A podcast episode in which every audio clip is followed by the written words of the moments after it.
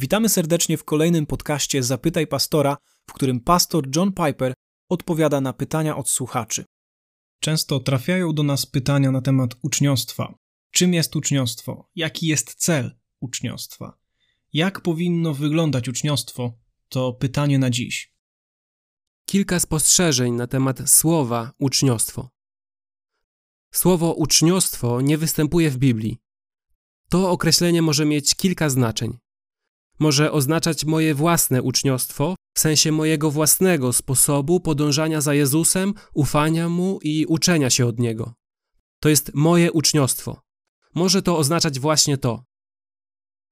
Lub może oznaczać moje działanie polegające na pomaganiu innym w byciu uczniami, czyli w podążaniu za Jezusem, we wzrastaniu w Nim. To drugie znaczenie, pomaganie innym, Występuje w nowotestamentowej Grece jako czasownik matetuo, czynić uczniami. Może to oznaczać głoszenie Ewangelii, aby ludzie nawrócili się do Jezusa i stali się chrześcijanami, a zatem uczniami. Na przykład w Dziejach Apostolskich 14:21 jest napisane: Kiedy głosili Ewangelię temu miastu i pozyskali wielu uczniów, wrócili do Listry i Konium. Po grecku wyrażenie pozyskali uczniów jest jednym słowem i oznacza nawrócić ich do Jezusa. Takie jest znaczenie.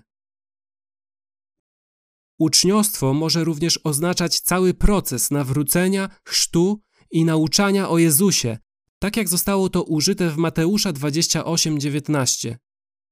Idźcie więc i nauczajcie wszystkie narody.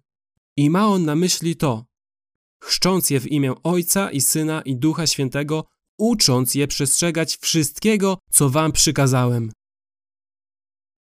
To bardzo długi proces. To proces, który trwa całe życie.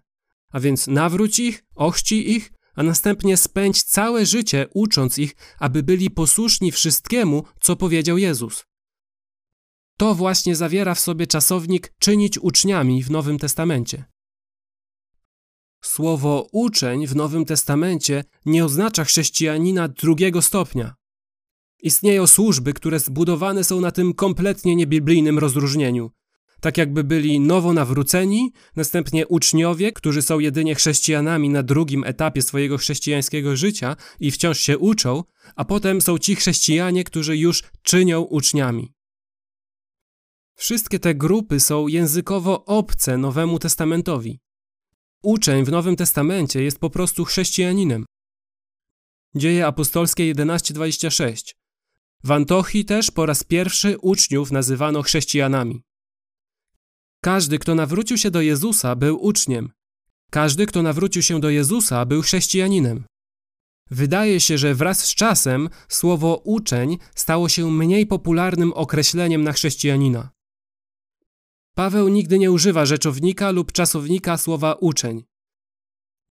W rzeczywistości ani rzeczownik uczeń, ani czasownik czynić uczniami nie występuje nigdzie w Nowym Testamencie poza Ewangeliami i dziejami apostolskimi.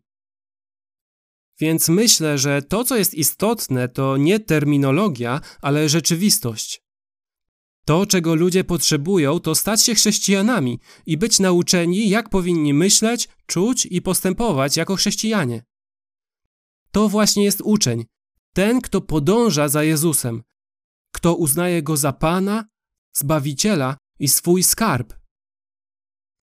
A więc gdzie i w jaki sposób może się to stać? Myślę, że właśnie o to chodzi w tej całej dyskusji na temat uczniostwa.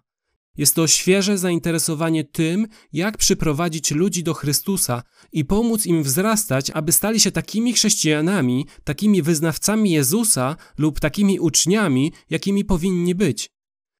W dzisiejszych czasach istnieje wiele różnych słów, których ludzie używają, aby opisać chrześcijanina. Więc jak to się odbywa? A więc nawrócenie ludzi z bycia niewierzącymi do bycia wierzącymi, chrześcijanami, uczniami powinno mieć miejsce w każdej sytuacji. Nie istnieje jedna strategia. Nie ma ograniczeń co do sposobów, na jakie można powiedzieć komuś dobrą nowinę o Jezusie. Więc uczniostwo w tym sensie jest tak zróżnicowane, jak sposoby, na które mówimy o Ewangelii, lub sposoby ukazywania Ewangelii swoim życiem przed innymi, aby ich do niej przyciągnąć. Jeśli chodzi o nauczanie chrześcijan, jak powinni myśleć, czuć i postępować jako chrześcijanie, jak prowadzić ich w uczniostwie, pomagać stawać się coraz bardziej dojrzałymi, to Nowy Testament ukazuje nam wiele sposobów. Oto tylko mała część przedstawionych nam możliwości. Tytusa 2:4 Starsze kobiety mają uczyć młodsze. Drugi list do Tymoteusza 2:2 Paweł nauczał Tymoteusza, aby ten nauczał innych, którzy także będą nauczać. Efezjan 6:4 Ojcowie mają nauczać swoje dzieci. Mateusza 28:20 Misjonarze mają nauczać narody wszystkiego, co przykazał Jezus. Hebrajczyków 3:13 Wszyscy chrześcijanie mają każdego dnia zachęcać się nawzajem, aby unikać grzechu i aby pobudzać się do miłości i dobrych uczynków. Pierwszy list Piotra 4:10 Wszyscy chrześcijanie mają używać swoich darów, aby usługiwać sobie nawzajem. Dzieje apostolskie 18:24 26 Tutaj wygląda na to, że na poczekaniu Pryscylla i Akwila dokładniej wytłumaczyli Apollosowi Bożą drogę. Moglibyśmy podać jeszcze wiele więcej przykładów. Każdy chrześcijanin powinien pomagać niewierzącym stać się wierzącymi poprzez ukazywanie im Chrystusa. Tym jest czynienie uczniami. I każdy chrześcijanin powinien pomagać innym wierzącym stawać się coraz bardziej dojrzałymi. Tym jest czynienie uczniami. I każdy chrześcijanin powinien również dla siebie samego szukać pomocy u innych, aby nieustannie wzrastać. I to także jest naszym uczniostwem. I każdy kościół powinien dobrze przemyśleć, jak te wszystkie rodzaje biblijnego czynienia uczniami znajdują swój wyraz w codziennym życiu wspólnoty.